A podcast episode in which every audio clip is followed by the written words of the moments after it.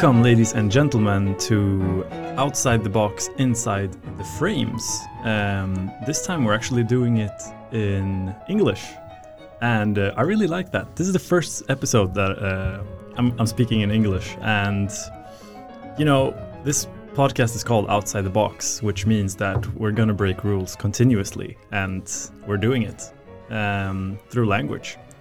So um, let's start. The first guest we have here, um, or the only guest we have here, is uh, Sid. Um, and Sid, do you want to? That's not your whole name, but everyone calls you Sid. Mm. So do you want to express your, uh, tell us your whole name, uh, who you are, and what you do? Yeah, sure. Uh, thanks, Martin, for inviting me. This is wonderful. I, I really feel honored to be here and talk to you today. So, yeah, my name is uh, Siddharth Kullar. Um, I go by Sid. It's a, a common short form of the name Siddharth. Um, I was born in India.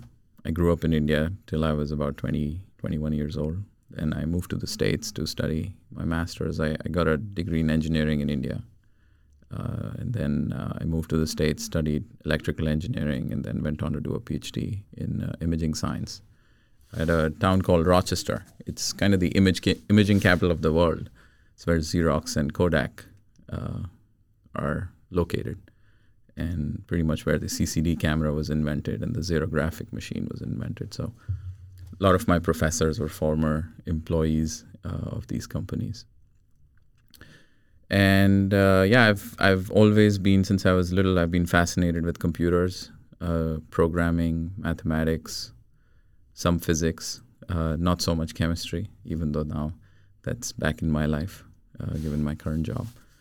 Um, yeah, I, I, I sort of just let my my intuition create a path for my career. So, I I had a so I had a job offer from uh, from Lehman Brothers uh, in 2008 uh, September like it was a it was a temp job offer. And i i cleared the interview. I went to the career fair for the final interview and lehman brothers didn't show up because they had just gone bankrupt uh, a couple of days before. So that was my my first kind of introduction to real world uh, when i moved to the us and and was through my masters. So i went on to do the phd um, I was always fascinated by research. I had gotten a lot of interest uh, through my first year in my master's, so I started looking what what can I do more. Uh, and uh, the imaging science program at Rochester is amazing. Rochester Institute of Technology, commonly known as RIT. So I pursued that, uh, studied, um, took a took a project, research project in neuroscience, uh, which was so they had this. Uh, the school had this fellowship of three years, uh, where a student would come in and work on some interesting functional neuroscience problems. The fellowship was in a joint collaboration with the University of New Mexico, which is New Mexico is a pretty large state in southwest part of the United States. Not many people are familiar with it unless you're in sort of science and technology because uh, that's where the uh, atomic bomb was invented in New Mexico at a uh, United States national lab known as Los Alamos National Lab. Also, New Mexico has the highest per capita PhDs, which is again a crazy fact, right? Wow. Because yeah, because uh, old in in old times, all the crazy good scientists from around the world, especially after World War II, uh, just migrated to to that part of the world. So there are two labs in New Mexico. Santa, uh, what is it called? Um, there's one in Albuquerque, and then there is one in uh, Los Alamos, which is Los Alamos National Lab. I forget the name. It's an Air Force National Lab. I forget the name. But uh, yeah, so I went there in 2009. I started my PhD in 2009.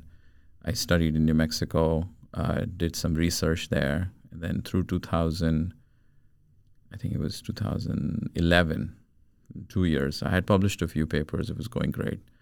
Um, I was working on detecting functional biomarkers in the brain for people with schizophrenia and bipolar disorders. uh, versus what healthy brains look like. So I worked on that.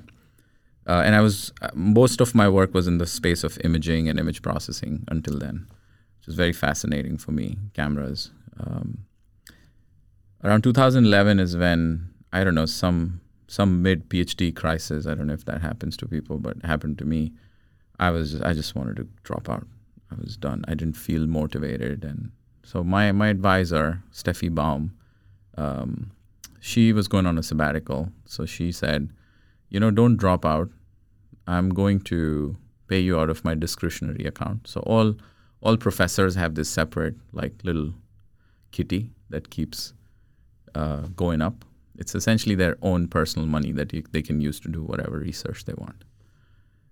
Uh, it's obviously paid by you know as a part of a contract for all the other research they do. So a small portion goes to your discretionary account, which you can use at your own discretion. So I was getting paid, I think, around two thousand dollars a month um, after taxes, which was a pretty decent salary for a student. And Stefi was like, "Don't drop out. How about you?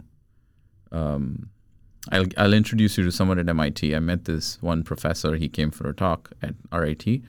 and um, I think you guys will like each other. And he's always looking for students who come and visit his lab and work with his students to work on really cool things. And you know, you've been interested in variables and vision, and the I was very fascinated by how the human eye works, the whole visual system. That was kind of my uh, start of of uh, of uh, going into neuroscience. That's what I was very fascinated by. There were some personal reasons for that, why I was interested in the vision system.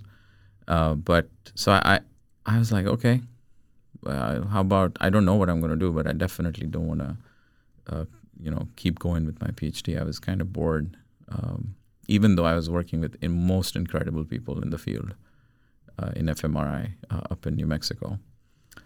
So, so Stefi was going to go be uh, um, going to go become the Radcliffe Fellow at uh, Harvard University's Radcliffe Institute. so this is a fellowship you get, so a year of sabbatical uh, if I mean I can't speak so much about uh, enough about Stefi, how much I love her, and and she's kind of been the one of the main steering forces in my life, uh, in my career.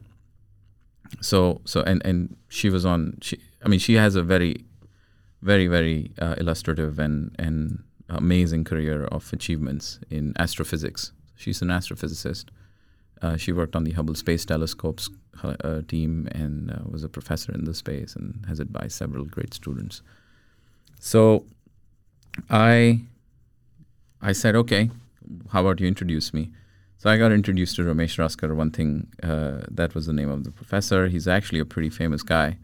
Um, you can look him up, uh, Ramesh Raskar. Uh, he his passion has was to develop and disrupt low cost medical imaging, medical sensing technologies. So he had in 2011, uh, he and one of his students uh, and a friend of mine, Vitor Pamplona, they had shot to fame with this super amazing passive device that could just stick on top of your phone. It was like a little eyepiece, and you would look at the screen through that device, and the screen you would play a game with, with your with the with the controls on the screen and it would tell uh, your eye prescription. So it was just a bunch of lens. And all you did was, you know, align two lines. And when you said the lines were aligned, you said yes. And then it would tell you if your eyes are actually off um, or, or, or not, your, your vision is not corrected. Which was like, okay, this is mind blowing, right? You go to an eye doctor's office and it's a $100,000 worth of machine that tells you if, if if you need a pair of glasses or not. So I was like, okay, this is this is really interesting. Uh, I, I, I, so I started pursuing this more aggressively. So in 2011, of uh, I think it was August, is uh, when this all started, and I went to MIT. Ramesh said, "Okay, fine. Why don't you come over? All the paperwork's done." So I go. Stefi says, "I'll pay you." because Ramesh didn't have any grant money to pay to a visiting student. Uh, so I said, I, I, how do I get paid? You know, I have to eat. So uh, Stefi stepped in then, and then she said, that's that's the whole story behind that. So I spent about I think six months at MIT in person and another five months with them working remotely, building another uh, very interesting project, which was uh, replacing the ophthalmoscope. So ophthalmoscope is the thing that the machine that looks at the back of your retina. So it takes a photo of your retina, your fovea, the back of your eye. You know, you've seen those um, pictures uh, of your retina when you go to the doctor. They they look at it and say, yeah, you you have no spots and all that. Mostly, it's done for older people, uh, but uh, it's a good idea to get an eye exam every couple of years just to make sure nothing's wrong. So that was really cool. Uh, we went at it at, at an angle with uh, diagnosing this disease called uh, diabetic retinopathy, which is essentially a manifestation of of issues uh, in the eye because of uh, uh, diabetes. So you can start seeing changes in the in the morphology of the of the eye, the retina, and the vessels that are there uh, due to um, high blood sugar, persistent high blood sugar. So we thought, okay, if we could build like a pair of eyeglasses that would look into your retina, that would be so cool, right? But there were a bunch of technical challenges. We solved most of them. I think we got to a pretty good MVP prototype. We won a bunch of money in in startup competitions, like around hundred, hundred fifty thousand dollars. And it was end of my visitor sh- internship. We filed a few patents, wrote wrote a paper um, I think the money was likely used for other students to carry the thing forward. And then a couple of years later, there was a huge piece in Wired uh, magazine with Ramesh wearing the new, new prototype of these glasses. Um, nice. I don't know where the project went after that. Yeah. So, anyways, I don't know how. Yeah, we got from fMRI to this, uh, but uh, yeah, that was that was I think my um, that was a big turning point in my in my life. A mediocre student from India, I never imagined I would go to MIT, uh, and and somehow I, you know, follow my intuition and and get to get to one of the greatest engineering schools in the world, and uh, it's a it's an immensely uh, humbling feeling that you're there. Cool, cool. So so um, basically these glasses that you did they're super impressive like is that biometrics is that the category with, that they work within or? Yeah so i have to say i have to say i forgot to mention one name everett lawson who's now at mit uh, he was the mastermind behind the design and the idea. I was kind of mostly you know adding sprinkle dust on top uh, and a few uh, few things that I, I, added were the optical system, and because I was studying imaging science, so I understood optics well, and, and we we came up with a nice design there. But um, the idea was not just to measure, take a picture of the eye, but to measure other things uh, such as disease conditions.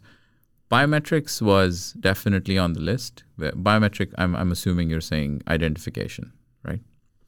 Yeah.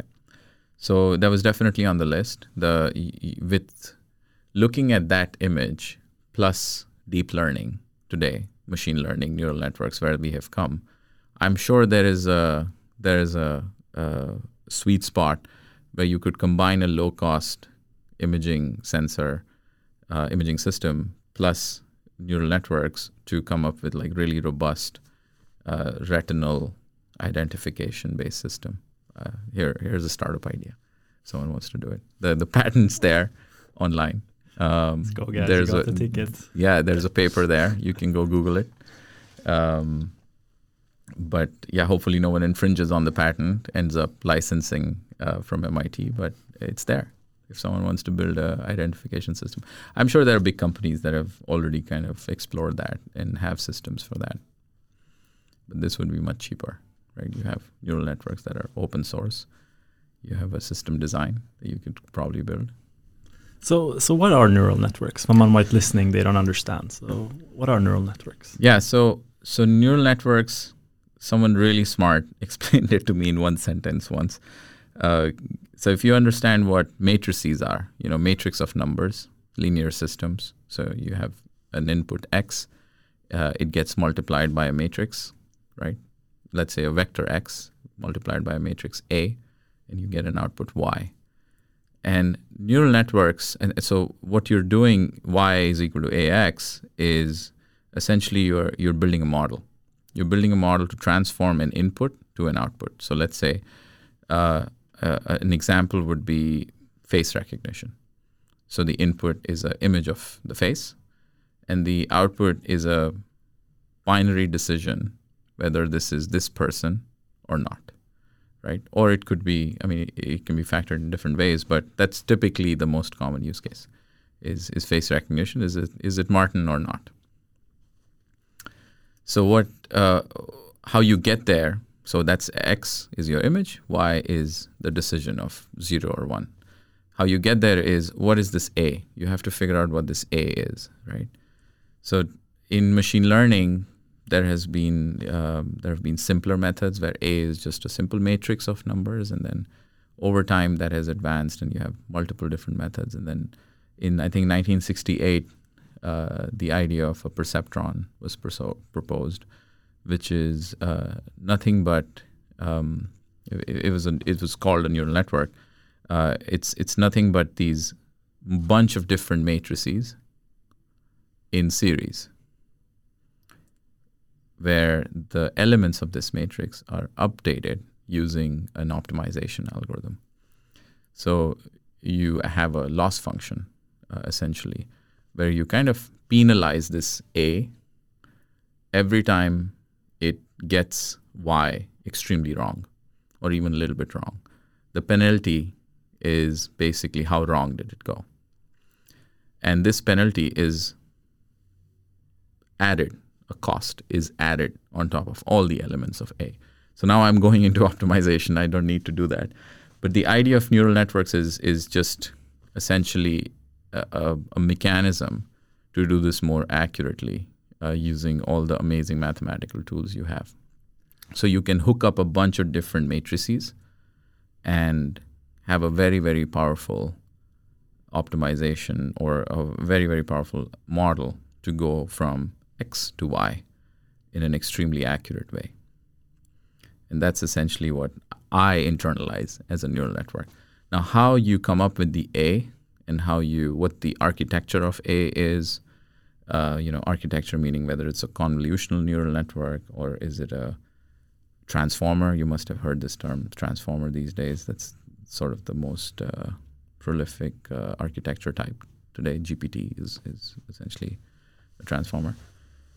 So so yeah, that's that's pretty much uh, in in my head. That's how I look at neural networks. Is it's a bunch of different matrix multiplications.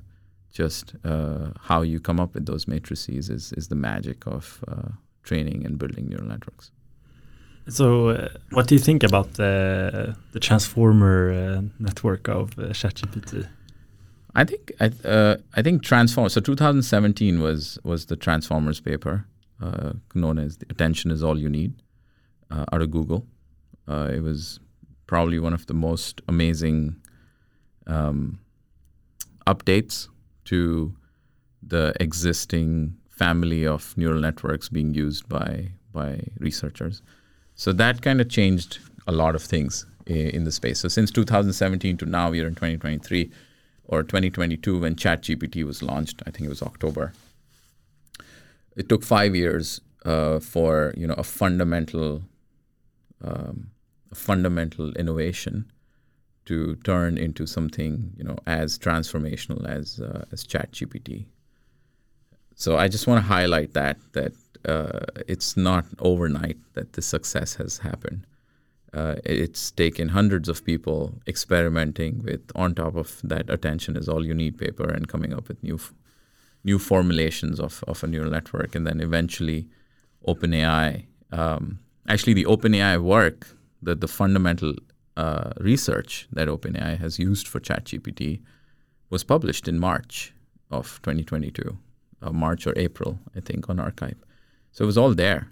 It was just ChatGPT was, is this this UI layer, and and uh, the most simple interaction paradigm of question and answer. When you ask a question, you get an answer back. Right? We use Google that way pretty much.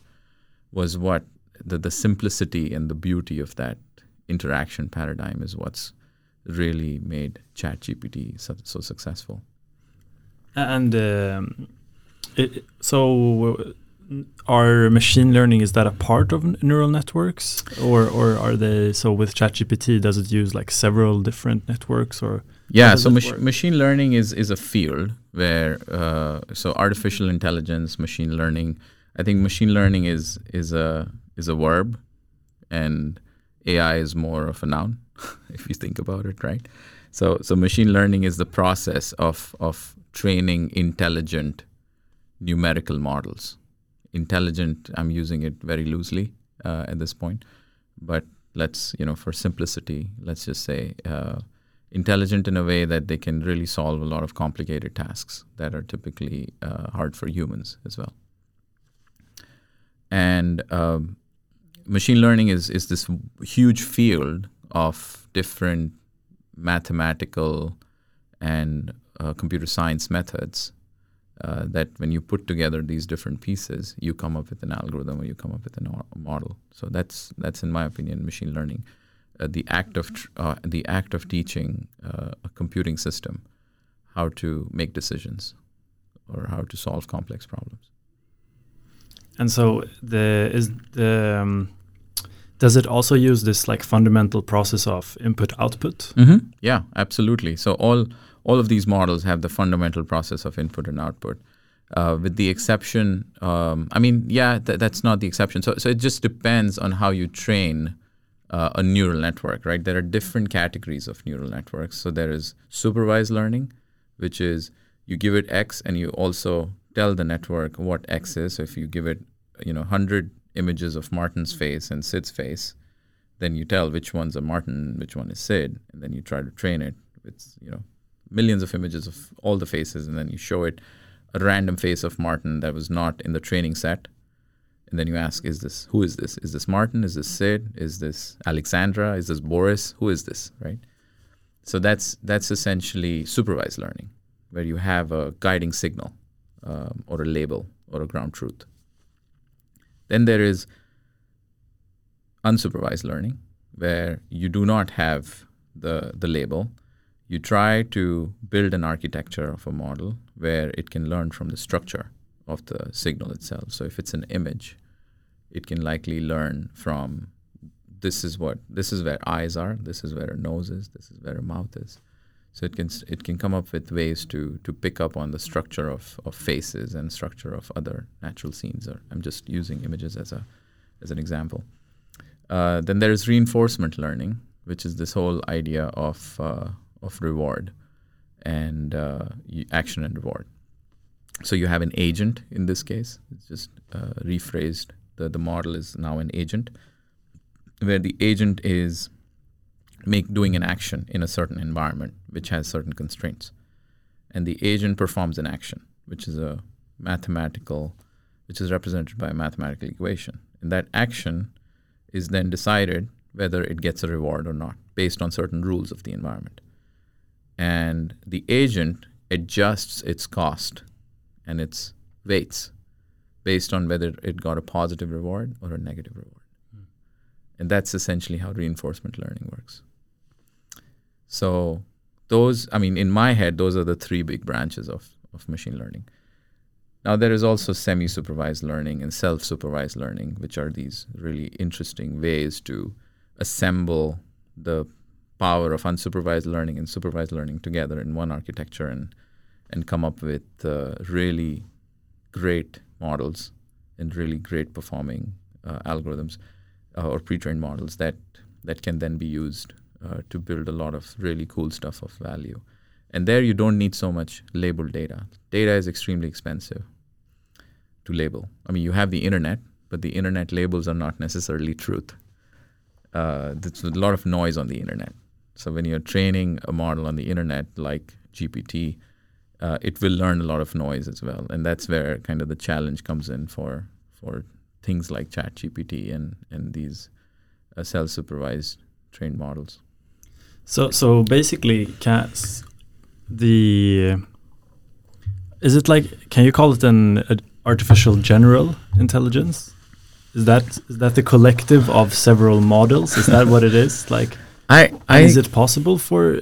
Uh, because sorry, I'm a beginner to this. So no, is I, it po possible to um, use several models in one uh, collectively? I am by no means uh, even forget an expert. I'm by no no means even a novice to to define what AGI is. Uh, I, I I just I've just found it hard to, to to build an opinion about how would someone build AGI. There are there are people and and really known people like you know Yann LeCun and and Yoshua Bengio and Andrej Karpathy. These guys, you know, who we who who we look up to and and learn from and are thought leaders in this space, who have uh, who have nicely crafted explanations of what AGI is. Uh, I think what you're you're you're alluding to is how do you build an AGI? Like, would it be a collection of these different architectures and exactly. different models? Yeah. Probably, I would say, yeah, like a combination of supervised learning, unsupervised learning, and and reinforcement learning. That's Does that exist out there? A combination of those? Is there any system that has that? Not that I'm aware of. Um, I I think I think this is that you know gazillion dollar question of of how you build that AGI and uh, what does it do? Why would you even build it? I mean, I even asked that question like, why would you build this? What problem are we trying to solve here? Uh, so yeah, I think I think before we even go to AGI, we have only scrapped the surface of what the existing. This field is moving so fast. I mean, the, some of the smartest people, whether it's undergraduate or graduate students or postdocs or professors, are working on this. Some of the smartest people in mathematics and computer science are working on this. Okay, we we are past the stage of uh, it being a hard choice to pick nuclear physics versus fundamental AI as a as a PhD topic. I think I think there's a skew towards people picking not picking nuclear physics, but rather going for artificial intelligence. Uh, so you know you see how these super smart people who are given the choice they're they're throwing. So the resource wise, we are in no way um, limited in thinking about how should we build uh, AGI, and then also this field is moving so fast that every you know if you look at it. Uh, it, it's a crazy race in, on Twitter. the, the we were talking about DALL-E. I think it was June to August or something, right? DALL-E was in the news and everyone was talking about DALL-E. And then I think around August is when Stable Diffusion was announced. I think it was CVPR where they where they published the Stability AI paper out of uh, France. What's that Stable Diffusion? So Stable Diffusion was this uh, again another transformer based model, um, open source, uh, that is a text to image generator. How many models are there out there? Like I, I, I don't know the number. I don't know how many. I mean, you can go on Hugging Face, and uh, huggingface.co is this really great uh, uh, kind of supercharged GitHub for um, for learning machine learning or, or just learning about AI and machine learning or, or neural networks in general. There are data sets, there are models, and it's free. Uh, of course, they charge money for things that you know when you start to use it like a professional uh, or a company wants to use it, but it's free to learn. It's all there. Cool. The internet has everything uh, in terms of how learning about this space. But what, coming back to to this, the, the there are there are several different architectures that are popping up almost by the week, so it's hard to keep up. Uh, and you're saying like the development is really fast. Is it self-feeding? Like, do, does these models create new models in that sense, or like not maybe 100%, but do the developers use them, the the existing models, to create even newer ones and improve on themselves? Like, how does that? Yeah, let me process answer. Let me answer the first part of the question. Why is Sure. the development so fast? And that Yeah. goes back to my point of like really smart people are joining the mission every day, Yeah. right? Because it's this flywheel that is just accelerating at a pace that we never imagined. Then another reason why development is so fast is because the cost of energy or the cost of compute has dropped almost by by the month. Uh, so when when you have the cost of energy and the availability of human intelligence to utilize that energy to build new types of machine learning or or new innovations in machine learning, when those two things are really low, those barriers are really low, then this flywheel really starts to achieve, you know, quote unquote escape velocity and goes extremely fast. So I think that's why things are moving really fast because there are a lot of intelligent people working on this and it is cheap to work on this. You, can do it on a on a MacBook Air or or or a, or another cheaper computer. Uh, you can do this all on the internet.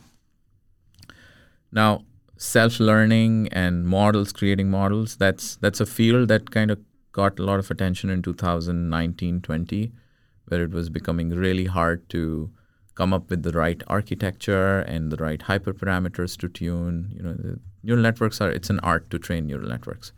So not not everyone really succeeds at it. It's not it's not genius to come up with an architecture. It's actually uh, m- much harder to train one uh, to achieve a certain level of performance that's shareable.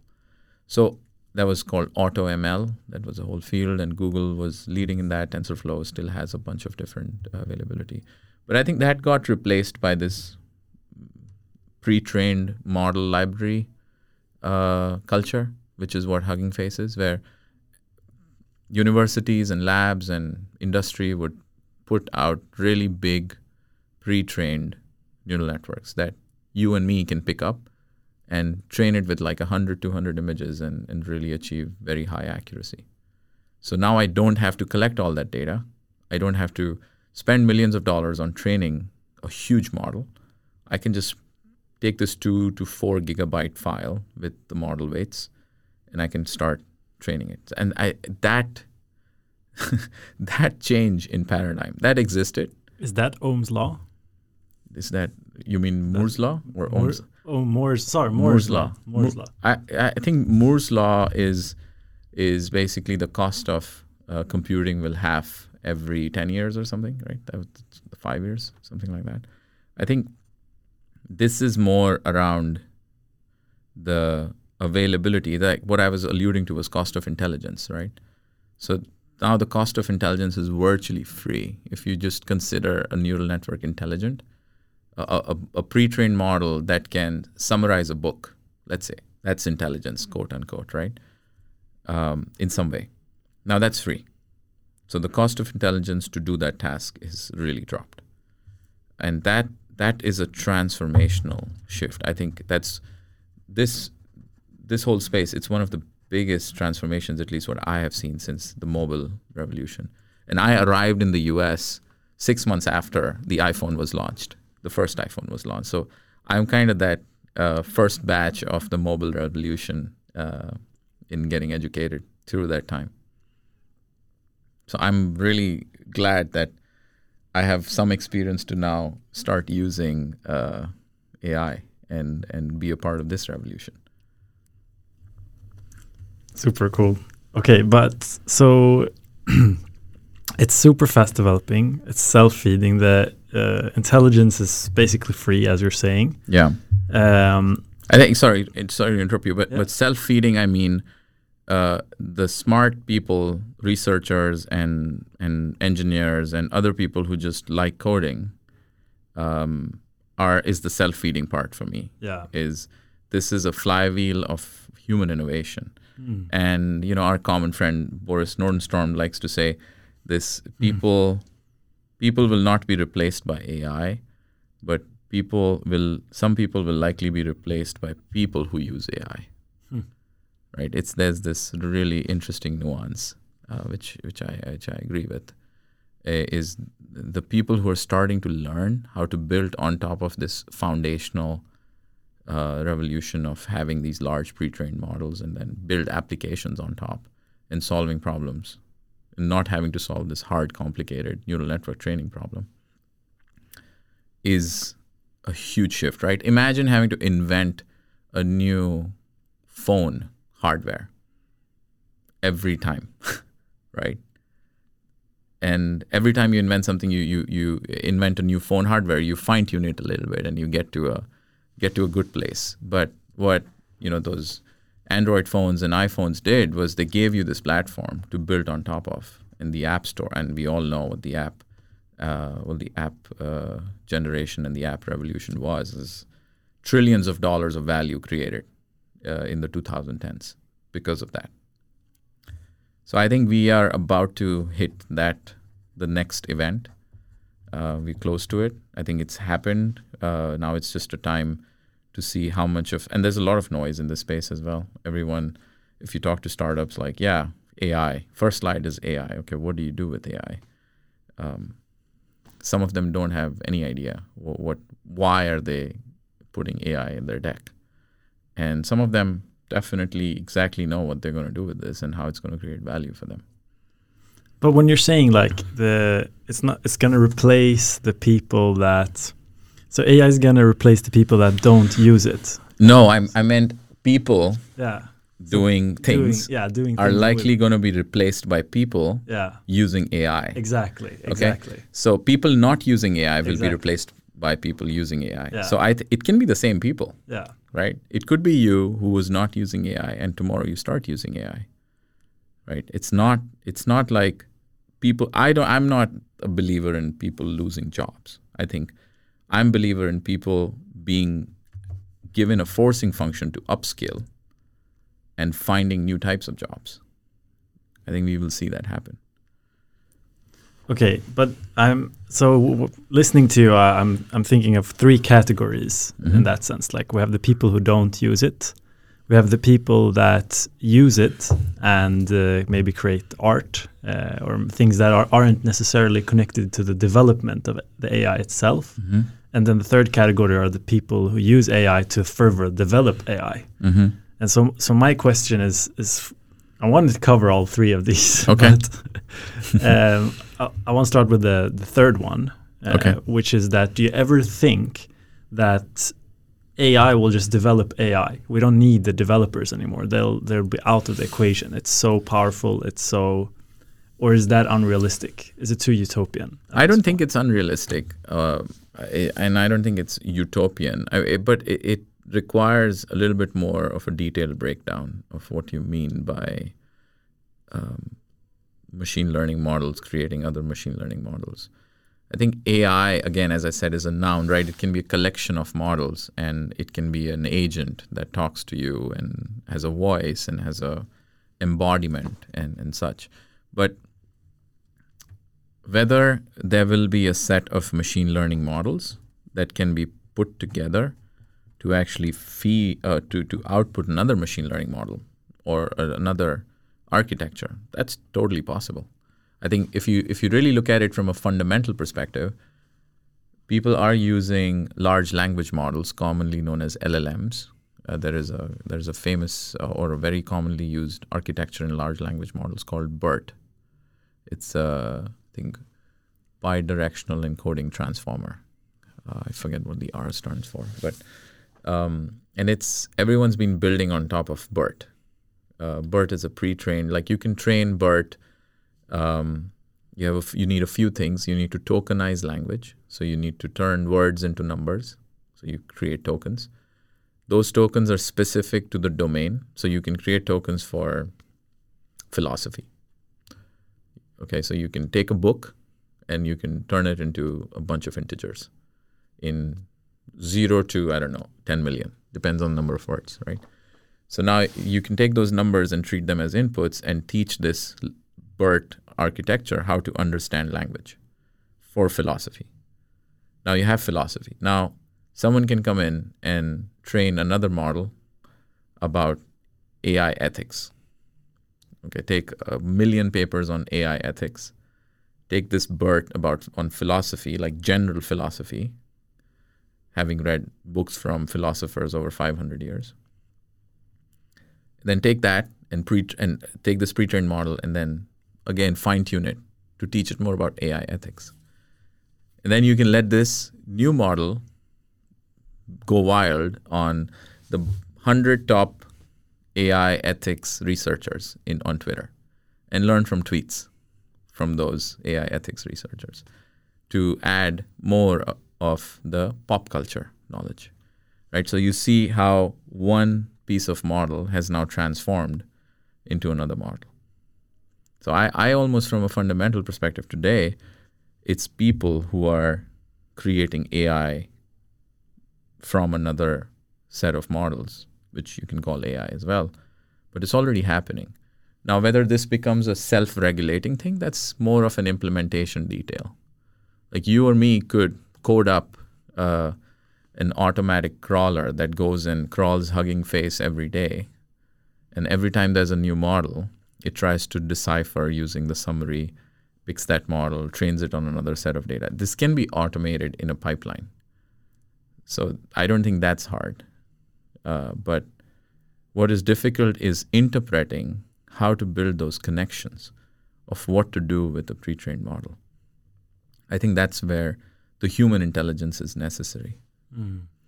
Because the problems and the use cases are still largely experienced by humans.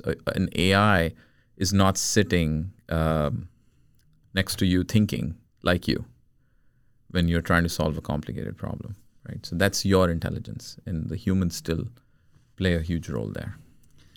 Do you think we'll we'll be able to make models that are so easy, like in the in the when we're creating a, actually uh, in the sense of creating models that there are models that are so easily used just like you mentioned this one the the road next to us here. There's this uh, i don't know what this is called like a sound box for the podcast? Yeah it's like a mixing uh, sound recorder right? Exactly. Recorder, do you think there'll be like just like this sound recorder it's so easy to use it's so user friendly mm. do you think there will be like uh, something similar to this, but I for the development of at your like you can just open an app on your MacBook and create your own. I think you have model. that today. Yeah, it's just not very widely talked about. But if you know how to write basic Python code, like really basic Python code, if you know how to import a couple of libraries and initialize a, a, a class.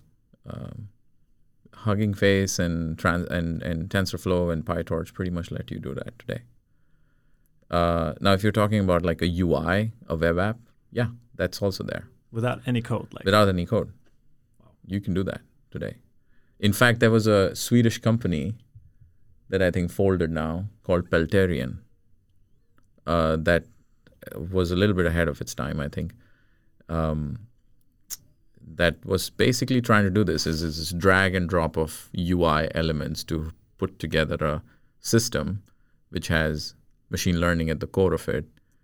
And you can decide how to parse the data and what output you need and what data you give it for training, and then it'll come up with a. Um, in fact, that was the first company I interviewed with uh, when I moved to Sweden in 2020. Oh, ah, okay. Yeah, cool. I was trying to figure out okay what what are the different uh, ML AI companies in in Stockholm, and uh, someone pointed me to Peltarion. Nice. Yeah, I didn't take the job, but yeah. How unfortunate for them, right? uh, I don't know. I mean, I can't comment on that, but it was an exciting idea for sure what they were doing. There a lot of good people came out of that company. I think. Cool. Okay, so but what what do you think?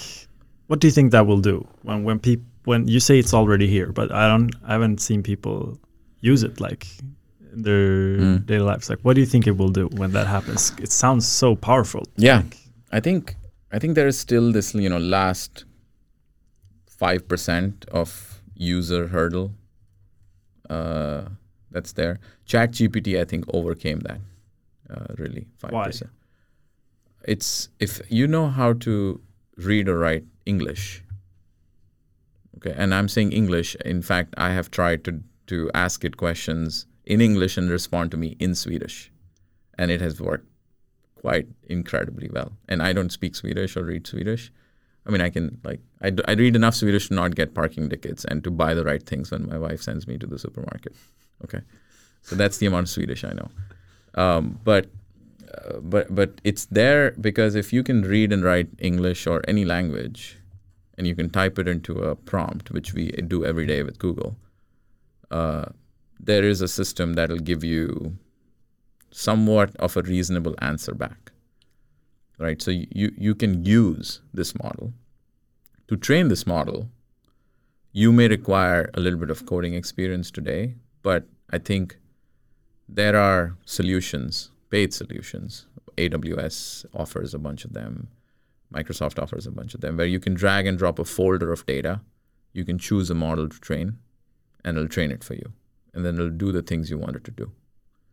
So this exists. I, I think it's a different demographic of people who knows about this because they care about it because it helps them in their job or helps them in school or whatever. Uh, some part of the world doesn't know about it because they don't care about it. So I think that's that's the big difference.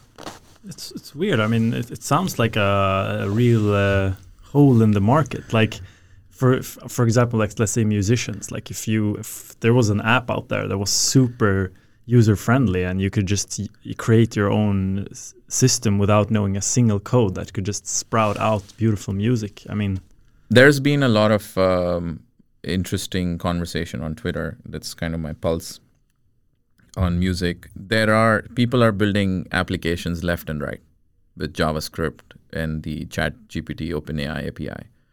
And these apps are really incredible. And music is the next thing that gets disrupted people are saying this um, about about what's next, and you know everyone's asking what's next. I think music will be will be the next one because if you think about it, the way you represent language is a sequence. So a sentence turns into this sequence of words, right? That semantically mean something.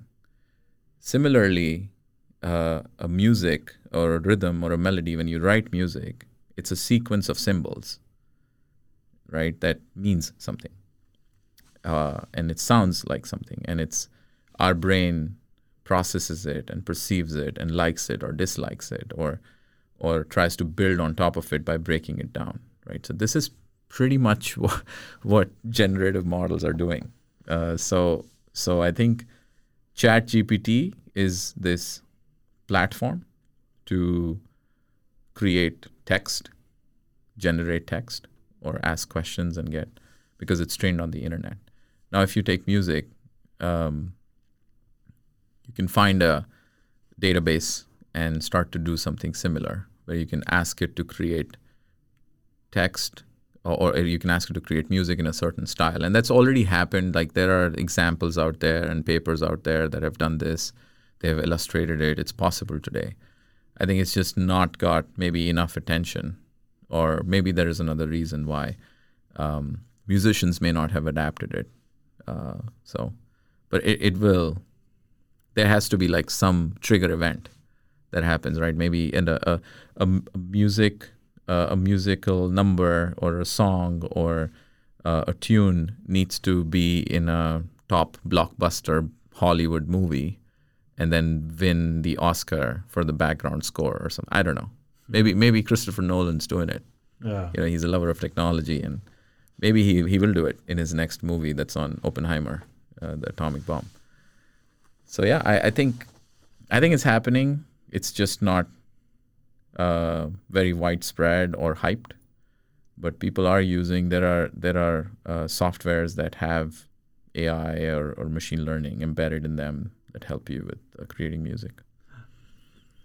That's uh, amazing. Like I remember, actually, I I remember that it's been used quite a while. Even I, I remember seeing a, saw a video of a, a, really young teenager who just uses computer at home using like a really you know easy processor, like I don't know Intel i5. Like he had to he had to wait like 48 hours, and then it like processed Baroque music from Bach, which by the way is extremely process intensive, like from a musical perspective, because it's very uh, it's very complicated mm-hmm. music. Mm-hmm. It uses like logical harmony and so mm-hmm. on. And the the output was beautiful, mm-hmm. and I was really impressed by that. But but it's interesting, really, what you're saying. Yeah. That, so see, what yeah. you did there was you you, you just implicitly illustrated me that illustrated to me, the cost of energy was really low. So Yeah. you know, you described the processor, Yeah. and the cost of human intelligence was really low Yeah. because it was just a kid, and you know, intelligent kid, obviously, and he just came up with the idea, tried it, and was able to create something really incredible. Yeah. So I, I see like, you know, as time passes, these two things will likely drive to zero or almost zero. And Im- imagine when that happens, the cost of intelligence and cost of energy is really, really low. Uh, I mean, I, I just, I can't start to think uh, where do we go from there? Yeah, because that's that's where it's that's the loop, right? That's the the exponential growth or whatever you want to call it.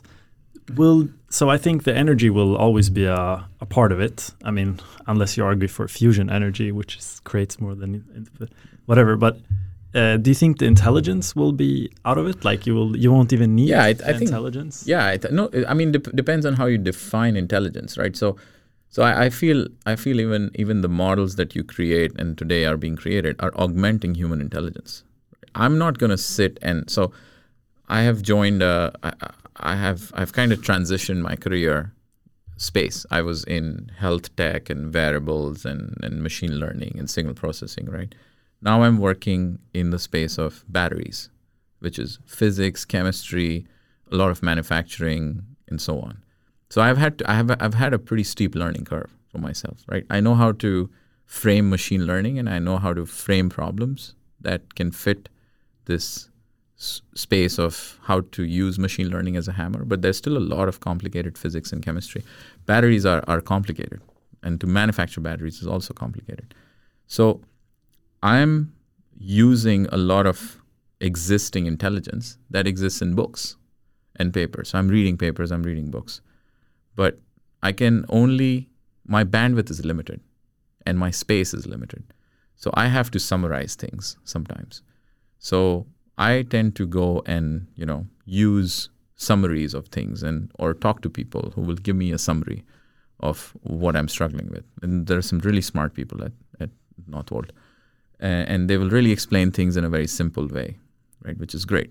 So now, if you can have, uh, similarly in other fields, if people can have this augmented intelligent agent with them that is not necessarily emotionally aware, but likely can compress the complicated knowledge that exists on the internet that we find hard to search or we don't know where to look.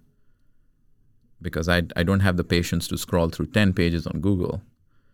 And if I can ask a pointed question and this agent can respond to me uh, with the information I think is reasonably accurate and hopefully is, that's another challenge that ChatGPT needs to solve is, is it's learned on the internet, which is a whole bunch of crap and gibberish and lies and, and opinions. But I think they're th- th- incredibly smart people over there who are, who are trying to solve this problem, not just there, everywhere. So that little augmentation of an agent or an AI really brings the cost of intelligence down because now I don't have to spend hundreds of hours learning a topic. Right? I can ask questions and I can ask more questions and build an understanding. Because now something is capable of summarizing that for me. So I think that's very powerful. That's the cost of intelligence point for me. and, and so I really like. So it, it really goes like if you just see the bigger picture. I mean, it's hard to see this not replacing. Like you, we mentioned, developers. Like, will the will you create a system that creates systems, right? Mhm. And then like, will the developers be needed? But I mean, I can you can apply this to everything at the end of the day. Like, even with musicians, like they have the system creating music you won't even need the musician anymore you have the system creating art you won't need the artist like do you think there will come a point where you, we don't need human intelligence No. at all No, I don't think so. but isn't that where it's going in I don't know. I, sense? I feel like you know for for forever would you want art to be only in the form of styles from artists that have existed so far? I, I feel like I want in you know my kids should experience art from artists of today also they should appreciate, you know, Pablo Picasso and Dali and all the other great artists. I mean, we're talking about visual art at this point. But I think it is important that the field of art and music evolves over time because I, I think human intelligence is incredible. And given the right tools, the human intelligence can really do wonders. We today, it, it, 2023 is a pretty big example of, of this, right? So I feel artists, I, I'm my, at least my narrative, narrative is artists and musicians should not feel threatened by AI. This is again completely disclaimer, this is my opinion. They should try to figure out how do they fit this powerful machine into their creation philosophy so that they can reach points of creative imagination that they haven't been able to reach before. So it's about this continuous learning and learning to evolve. And and again, this intelligence that exists there with you can help you evolve. Because if you were to express a Picasso painting into, you know, in, in AI, the common in, in machine learning, the common space is a latent space. Okay. Latent space is this um, transform space of representations that where semantic meaning can be represented somehow, right? So if I could break down Picasso's mind behind a painting or Dali's mind behind a painting into numbers, and then I could just abstract that number space, numerical space, from a new artist, and I could teach them how to mix a few styles together and then I can start to put words on those styles, like you know horizontal brush strokes versus vertical brush strokes versus you know deep colors versus light color. I don't know. I, am not an artist myself, uh, but you can think of how do you break down the mind of the artists that don't that are not alive today, but you break down their music in styles that you can learn from and you can mix and you can adapt. A lot of it is done by a lot of hard work. People listen to it, observe it, look at it, study it, right? But what if you could do it much faster and then you could develop your own style on top of that?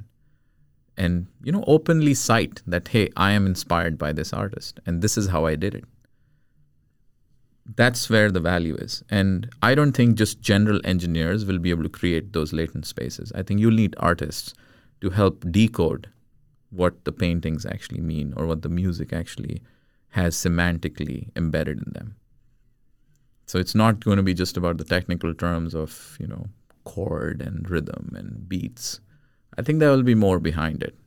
Uh, I don't know what that is and what that language of expressing that latent space is, but I feel that's an opportunity for new upcoming artists.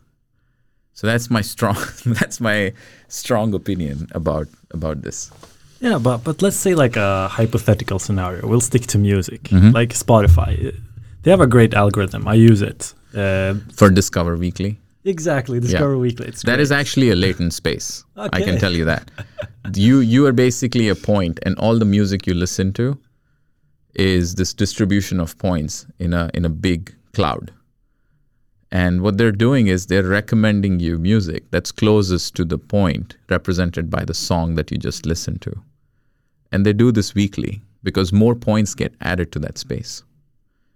And then they cluster a random sampling and then they learn more. And this is basically how it works. Wow. The simplest explanation in my head. That's how it ah. works. Wow. That's really cool. And and and I, I just see it like okay, so let's say I mean you you mentioned FM, fMRI earlier. Okay. Yeah. So so just say a hypothetical scenario. You know, you have this something that with Neuralink, and um, you have like this active fMRI in real time, uh, constantly monitoring your brain activity and all the biometrics, all the hormonal activity, all the neurochemical activity, and then uh, also like everything that happens consciously and subconsciously, and then also then it registers all that information and then based on that information it knows which kind of music you like and then in real time an AI creates that music in the moment and that will be the best music you've heard ever in your whole life. Yeah. Isn't that like a, a possible scenario? That's a future? that's a really great uh, path for imagination. I think You- you've really uh, abstracted it nicely. But leaving aside the technical parts, right? Like Sure. y- fMRI machines are not going to be shrunk anytime soon. okay. That part I know. Neuralink is is a little bit further away from becoming a consumer technology. Yeah. It's going to be a medical grade technology, I think, and it's going to be great. Uh, but I think what you're trying to allude to is how can how can machine learning and AI um, give me what I don't know whether I need or not. yeah. So emotion driven it's it's actually interesting you asked that we emotion driven response from an agent is a long researched topic. There is a whole conference on this I think. It's called multimodal intelligence systems I think. Yeah, we I attended one of one of the occurrences of that's that conference in Seattle in 2015 or 16 uh, while I was at Apple. Um, so this whole idea of of emotionally aware agents is is a is a very interesting topic. Now, you talk about music. I think a lot of people are working on using your physiological and affective state. Affect is basically your Emotional. emotional state. Yeah. Uh, valence and arousal. Uh, those are the, the, the two axes. Um, to help cluster and recommend the right content to you.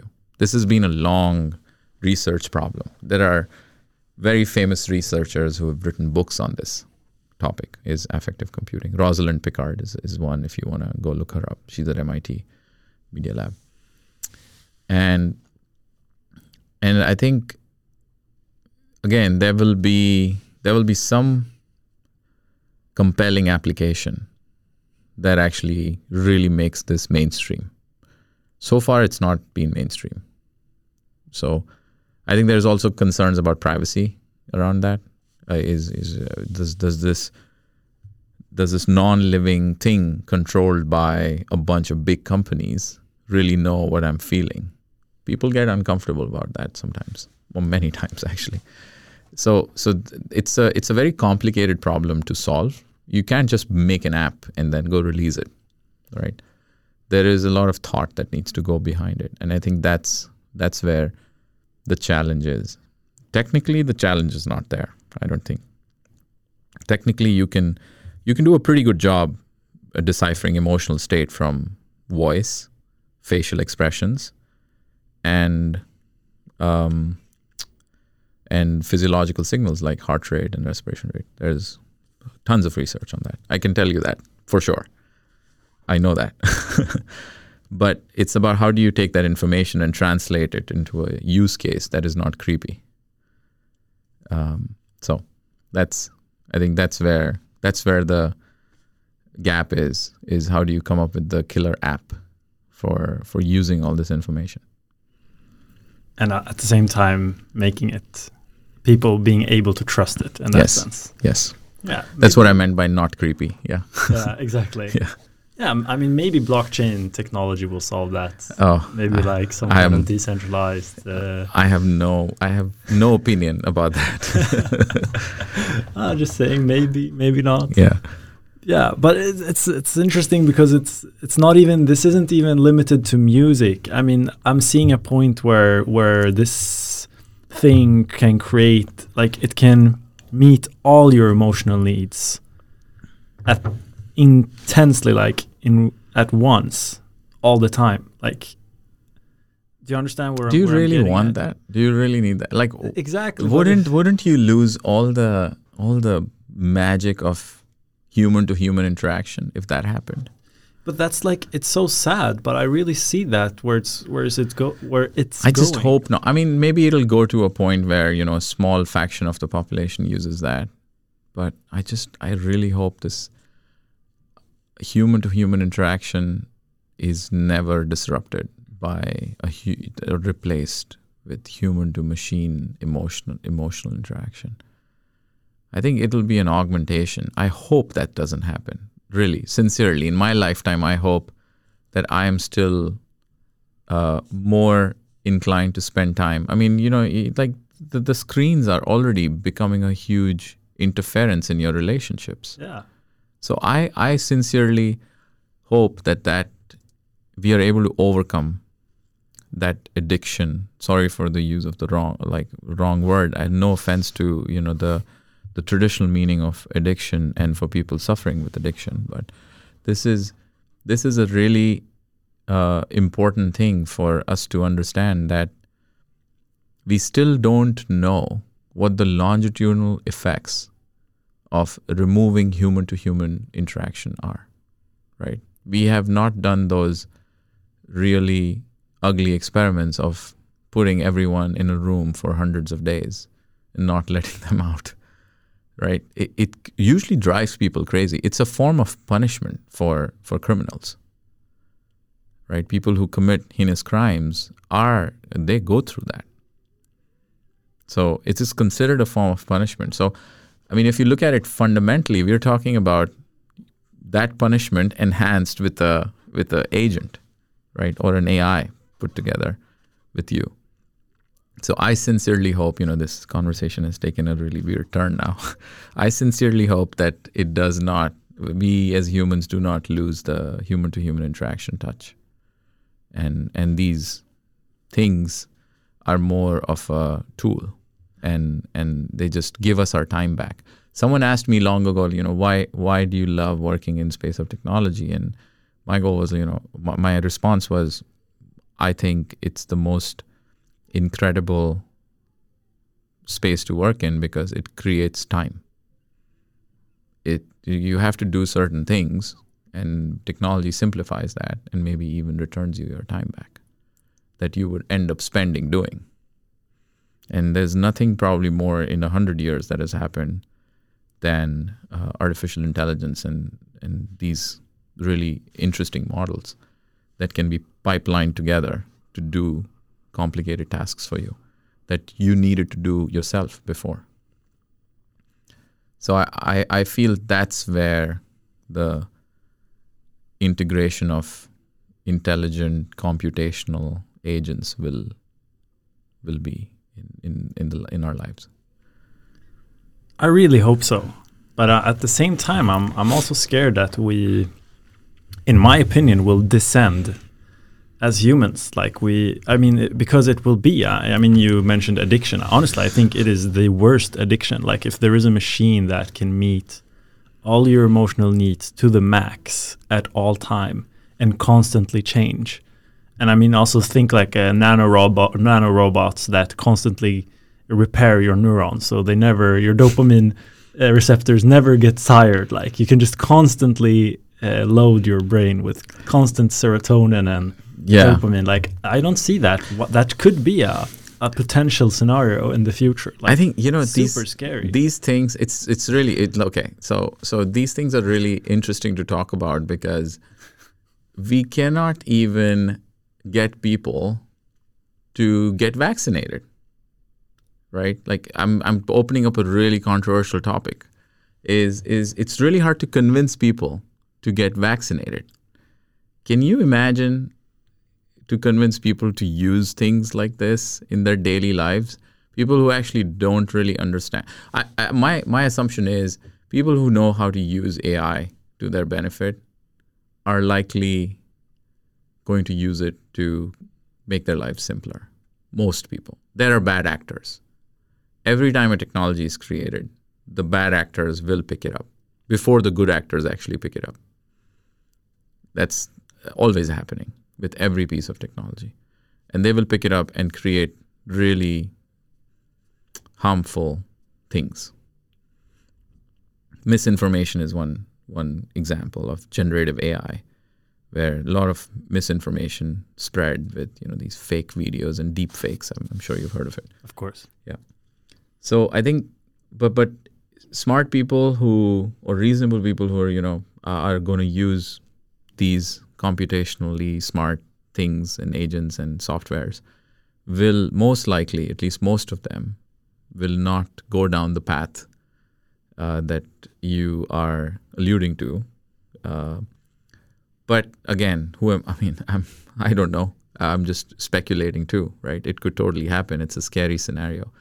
But why I brought up the vaccination example is it takes it takes a lot of effort to bring something that questionable and harmful and get it past the collective human intelligence of decision making.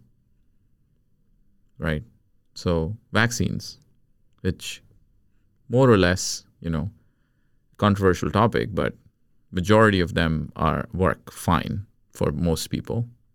And most people who have had a bad experience with general vaccines are are um, hesitant to take vaccines, right? And and I respect both camps, uh, but you see how hard it has been for collective human intelligence to convince people to use something that could likely be beneficial.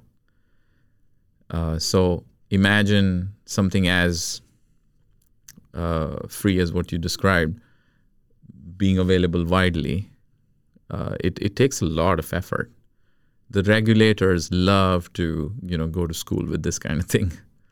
So i I'm I'm relying on my tax dollars that the regulators are are doing their job and they think about what to put out and what not to put out. At the same time, you know, big companies should not have control of such powerful technologies as well.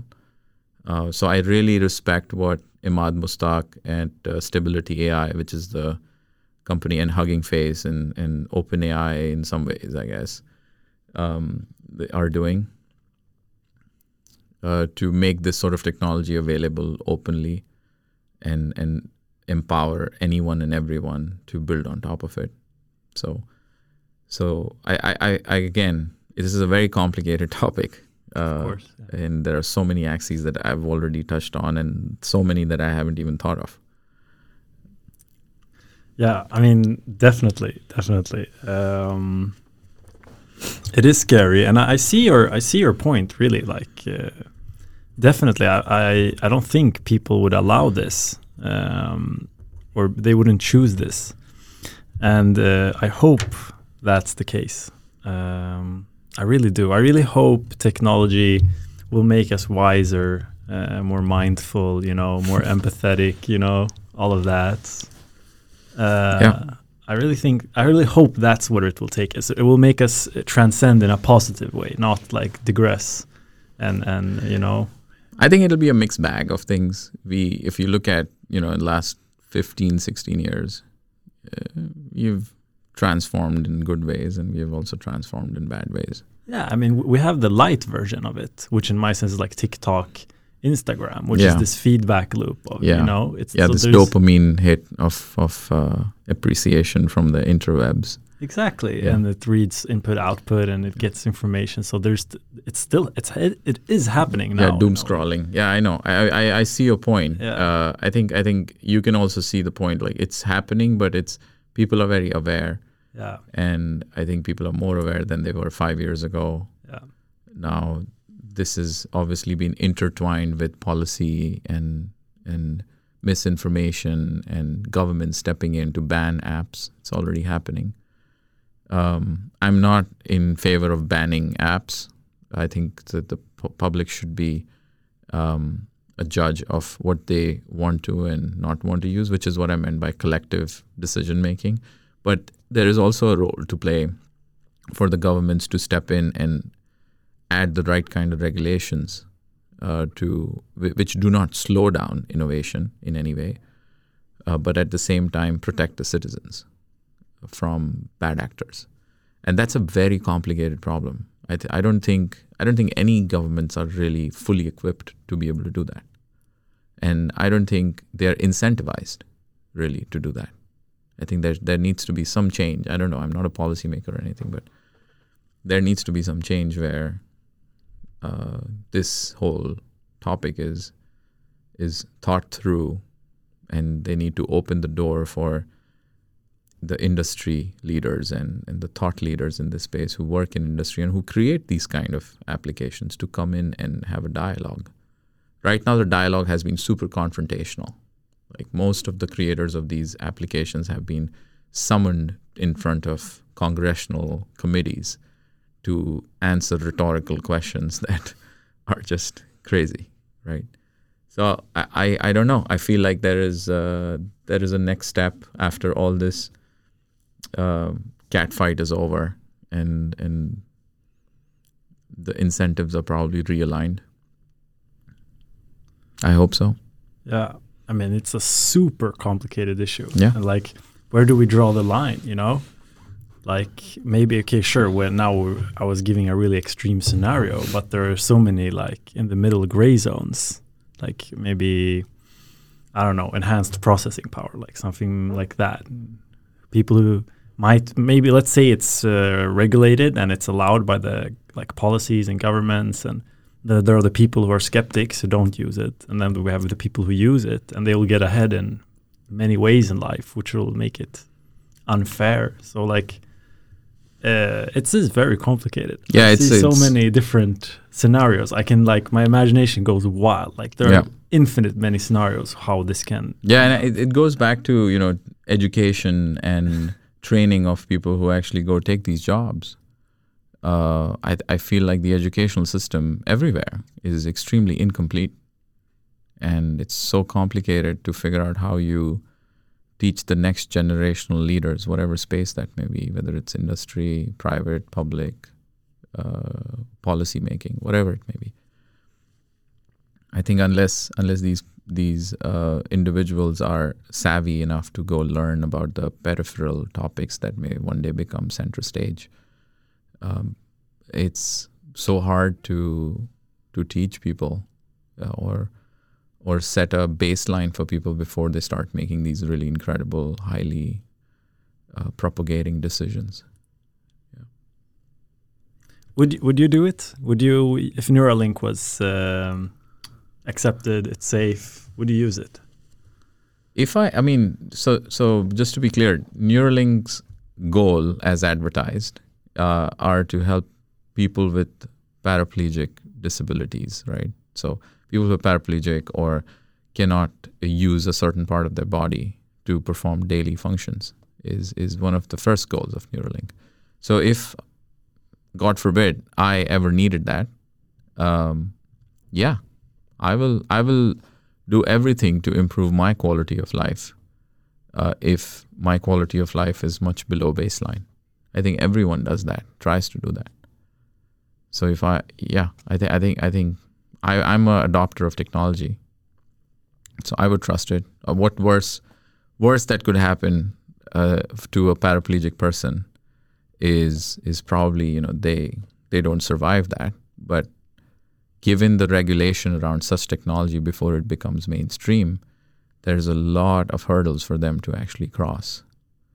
So by the time it actually becomes mainstream, it's likely a, a ve- very low possibility of failure at that point, especially an invasive surgical technology like that in the United States, at least.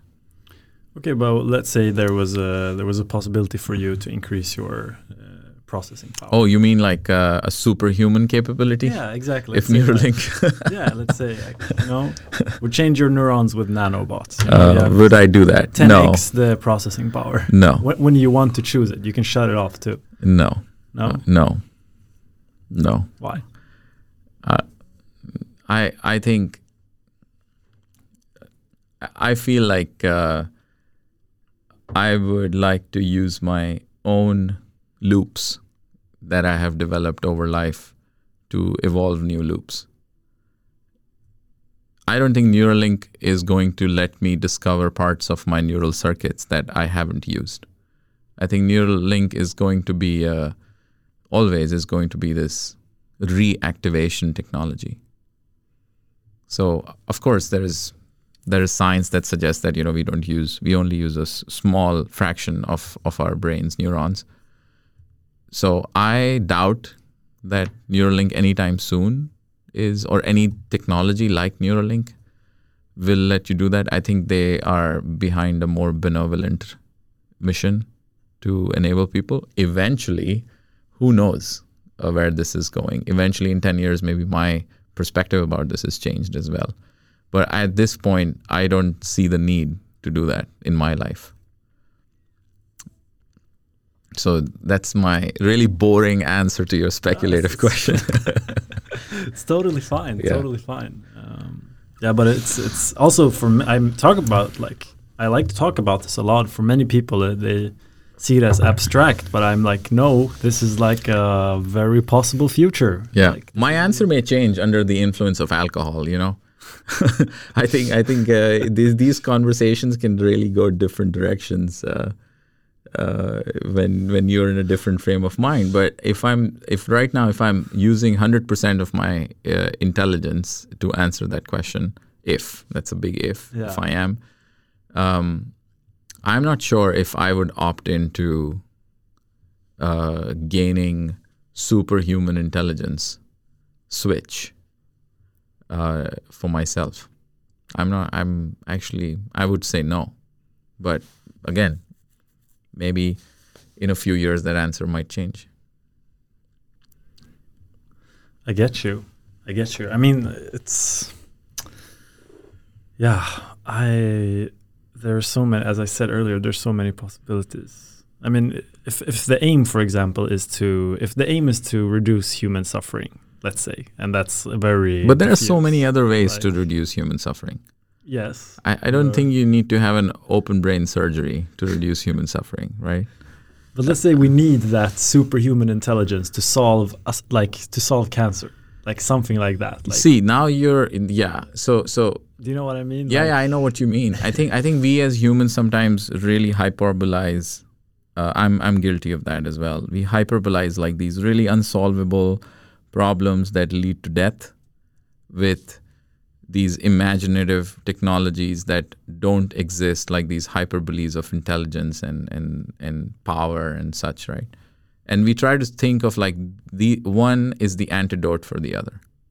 And that's a common approach, right? Something very difficult will probably be solvable solvable with something very complicated. Okay? I don't think that's actually true. Interesting. I don't think that's true. I feel like cancer will likely be solved by some artificial intelligence model. And combination of that plus um, protein engineering and understanding biology. So I don't think a superhuman intelligence will really get us there.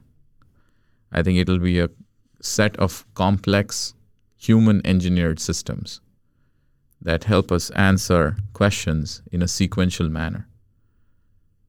With the substrate of low energy costs, access to specific intelligence, whether it's human or artificial, combined with the right data set and problem statement, which I think the data set and problem statement we, we have, the understanding of um, uh, the, the cost of energy is anyways low. I think we are playing in the intelligence space now. Is what are the different methods with experiments and and uh, AI and data and biology that we can do. We've learned so much in the last 12 years about human biology. It's incredible. Yeah. So, and I'm picking solving cancer specifically because you know you you exemplified that as one of the most complicated problems, which is. But uh, yeah, I think I, I firmly believe that this will be a combination of human powered systems, which includes a big AI model. Yeah, I mean the it's really possible. I mean we're already kind of there. I mean the Moderna vaccine, I think they used some kind of system. the there. messenger RNA, yeah, Yeah, exactly. yeah. The, it's just incredible the the level of Yeah. Innovation that's happened in biology and and uh, proteomics and and protein engineering and uh, genetics. It's just mind blowing. Yeah. And there are some really incredible people who are uh, who are looking at this incredible AI researchers. If you know Demis Hassabis, who found was the founder of DeepMind, that was acquired by Google, the famous uh, deep learning company out of uh, the UK. Uh, he has left DeepMind and now started another company which is working to expand the capabilities of uh, AlphaFold. AlphaFold was the protein folding prediction model that DeepMind created and, and released and broke the record of this protein folding competition where it can predict the 3D structure of complicated amino acids and proteins very accurately, which hadn't been done in a while, in a long time, or ever. Actually, not a long time, but ever. It broke the previous uh, algorithm's uh, capability in, I think, a fraction of a time. So, I think this this whole space is generally moving very very fast. I have a few friends who have companies and uh, founded companies in the space of uh, proteinomics and solving autoimmune diseases. So I'm I'm very optimistic about this. Some, as I said, some really smart people are working on some really complicated problems. So I think they will find a solution. Totally insane. Yeah, I'm an optimist there, for sure. Yeah, I mean, we that's hopefully all we need. Optimists. Uh, maybe no, probably not. yeah, cautiously back. optimistic. And cautiously optimistic. Yeah, but optimists yeah. are not bad people. no. no. Realist optimists. Yeah. Okay. Um, let's let's ground ourselves a bit with uh, Chat GPT. Yeah. Uh, go go back there. There was, I think, New York banned it did they do a ban on ChatGPT? Was that? No, I didn't read that anywhere. Was that? Is that true? I, I, I think my, I don't know if this is hundred percent true. So yeah, don't, don't know kill if that's true. it. But yeah, I'd be surprised if that was true. Uh, like I think yesterday, my friend said that there was some there was some ban at least somewhere on ChatGPT. Oh, maybe it was just um, based on user and questions people were asking, and if there were hate speech and misinformation questions. Maybe ChatGPT has a policy or OpenAI has a policy on on the type of information you feed it or ask. I don't know. I feel like, or it could be just too much load on the server. that happened to me when yeah. I was trying it out. Same, yeah. same. But I think this was actually connected to education. Like there was some kind of oh yeah yeah yeah sure like yeah universities. Sure. So okay. Yeah. Students are creative yeah. people. Yeah. so people have been using ChatGPT for their homeworks. Yeah. Okay. And that's kind of plagiarism in some way, but I, I, mean it's it's a gray line, right? If it's fully generative text, then it's not plagiarism.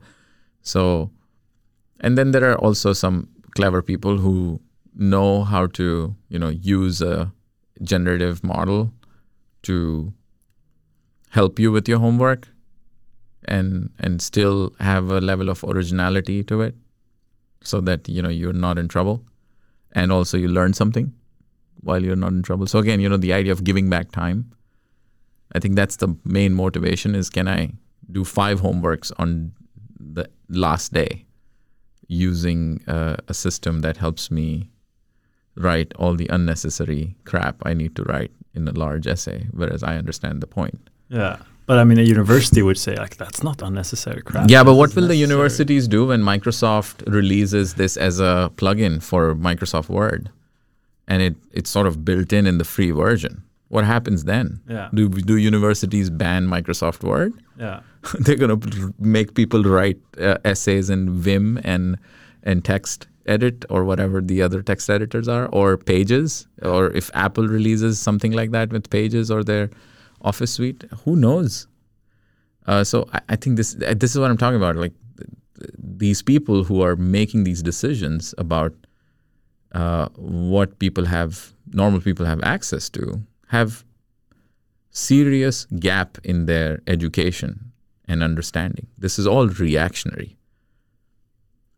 right?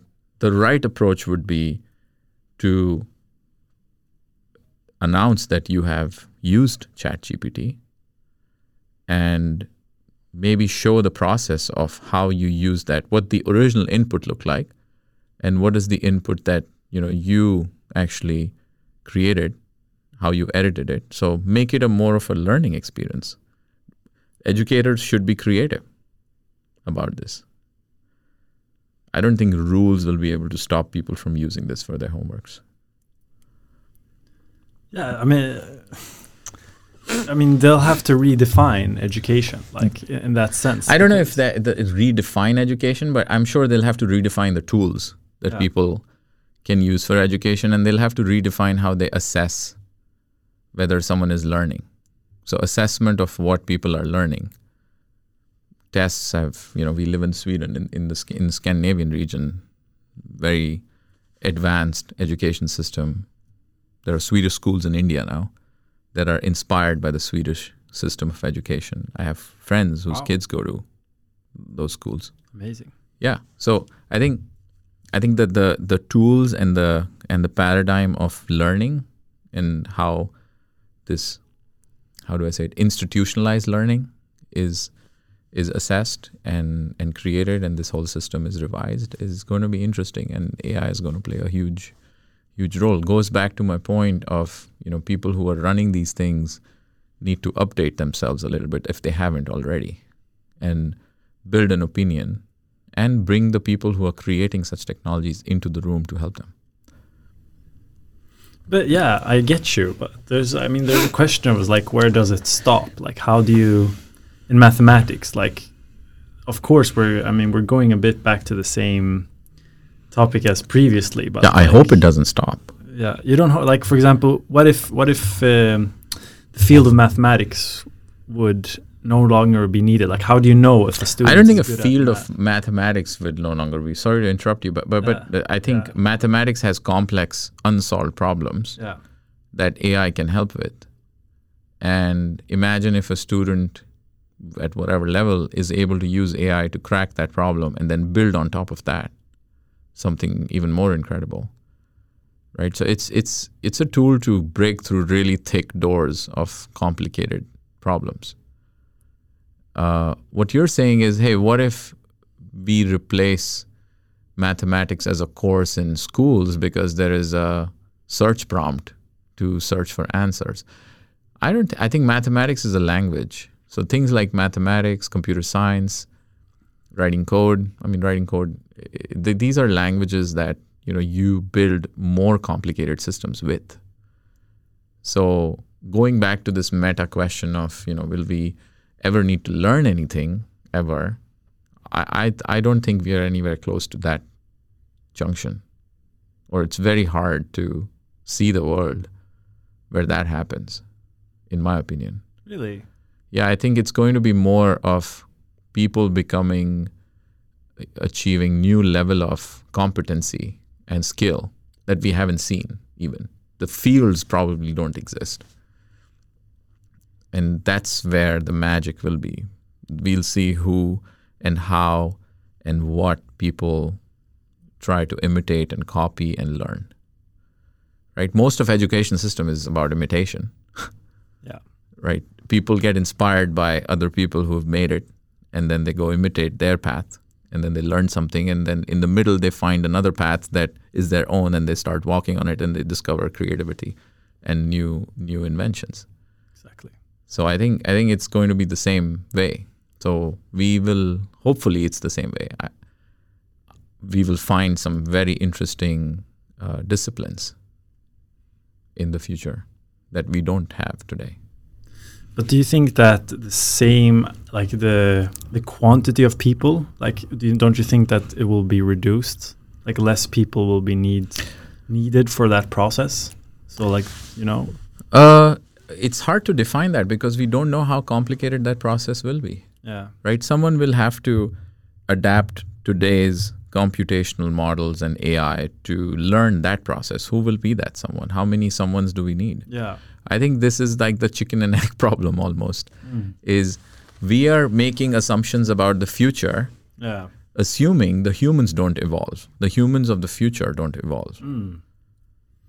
yeah, right? I think that's a bad model yeah. To make assumptions. Yeah, So of course. Yeah. I mean, during the, I think some futurists during the 1980s, they said like, oh, in 50 years, I think it was like something like that. People won't have to work, but people work more than ever nowadays, especially Yeah. in developed countries. yeah, exactly. That's So- see, that's such a oxymoron.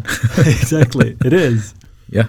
Um, I don't know, but it's just that it feels like that's how it's going to be. I mean, obviously, as you said, if people develop together with it, then we might even have like more acceleration, more work time. Yeah. But then at the same time, Canada, um, uh, they, they, I don't know if they like made it a, a policy or like it's printed on paper, but there was something like a bill about researching the possible the possibilities of UBI or something like that. Universal basic income? Exactly, universal mm. because they've, you know, just the possibility like I like UBI. I like the idea of UBI. Yeah. I do. Do you think we'll need it? I mean, depends on the the structure of the economy of the country you're in. I don't know if it's a it's called universal basic income, but I'm not sure if it's in line with the current economic environment of every country. Uh, so I think it's it's a it's an economic challenge for some countries to implement it, and it's a economic no-brainer for some countries to implement it. How much it is is another question, right? So I feel like again another complicated topic, but definitely not something that uh, can't be experimented with you know maybe small countries like uh, with fewer people let's say estonia it's like a population of 1.2 million something like that. They have so many central experiments that they're running that are incredible uh, and they're succeeding at it wow. uh, at some of them. Same goes for large countries like india where i'm from. I think india has been incredibly fast in moving on to a digital platform for their citizens. Like between 2010 to now, uh, about 1.2 billion Indians out of 1.35 or something are have now uh, these registered identification cards, which have digital identity.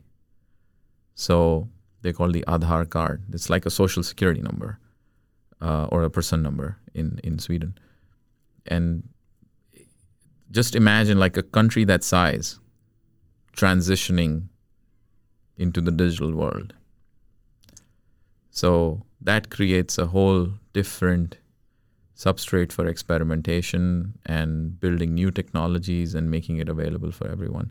I think UBI is another thing which is you know very complicated for a country like India or country like US or China or but likely simpler for a smaller country that has a reasonable GDP and doesn't have a huge debt to pay. So yeah, I think it depends on uh, economic conditions. I'm no economist by any means. My dad, if he's listening to this, he's probably laughing because uh, he's an economist. So that's my this was my simple, naive uh, understanding. Yeah, but but it's it's it's uh, relevant. I mean, programmers, developers, they're they're everywhere. I mean, economy, art, health, you name it, philosophy. Like there's no there are no limits. Yeah. Um, but but it's it's interesting. It's even ch- changing how we see corporate structures. I mean, for example, like having the should a corporation have the, the ability to distribute this and should there be only one corporation that should have this power like distribute what the the ai the the machine learning systems i think know? that boat has sailed yeah. I, I, think i think that boat has sailed There yeah. is enough there are enough people who are working on advancement of machine learning and ai who understand why that's not a great path to go down no matter how much money is offered to do that I, I don't think creating this central system of value generation in a big tech company is, is a good idea especially for a technology like that, right? Like imagine, uh, again, I'm quoting Emad Mostaque from this other podcast I heard.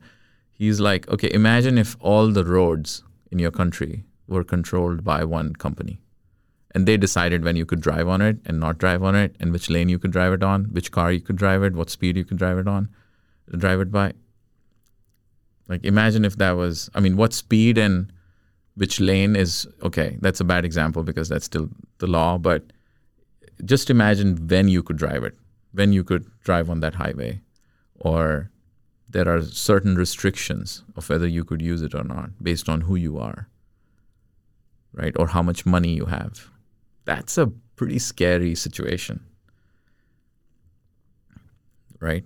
So I, I feel I'm I'm confident that's not going to happen.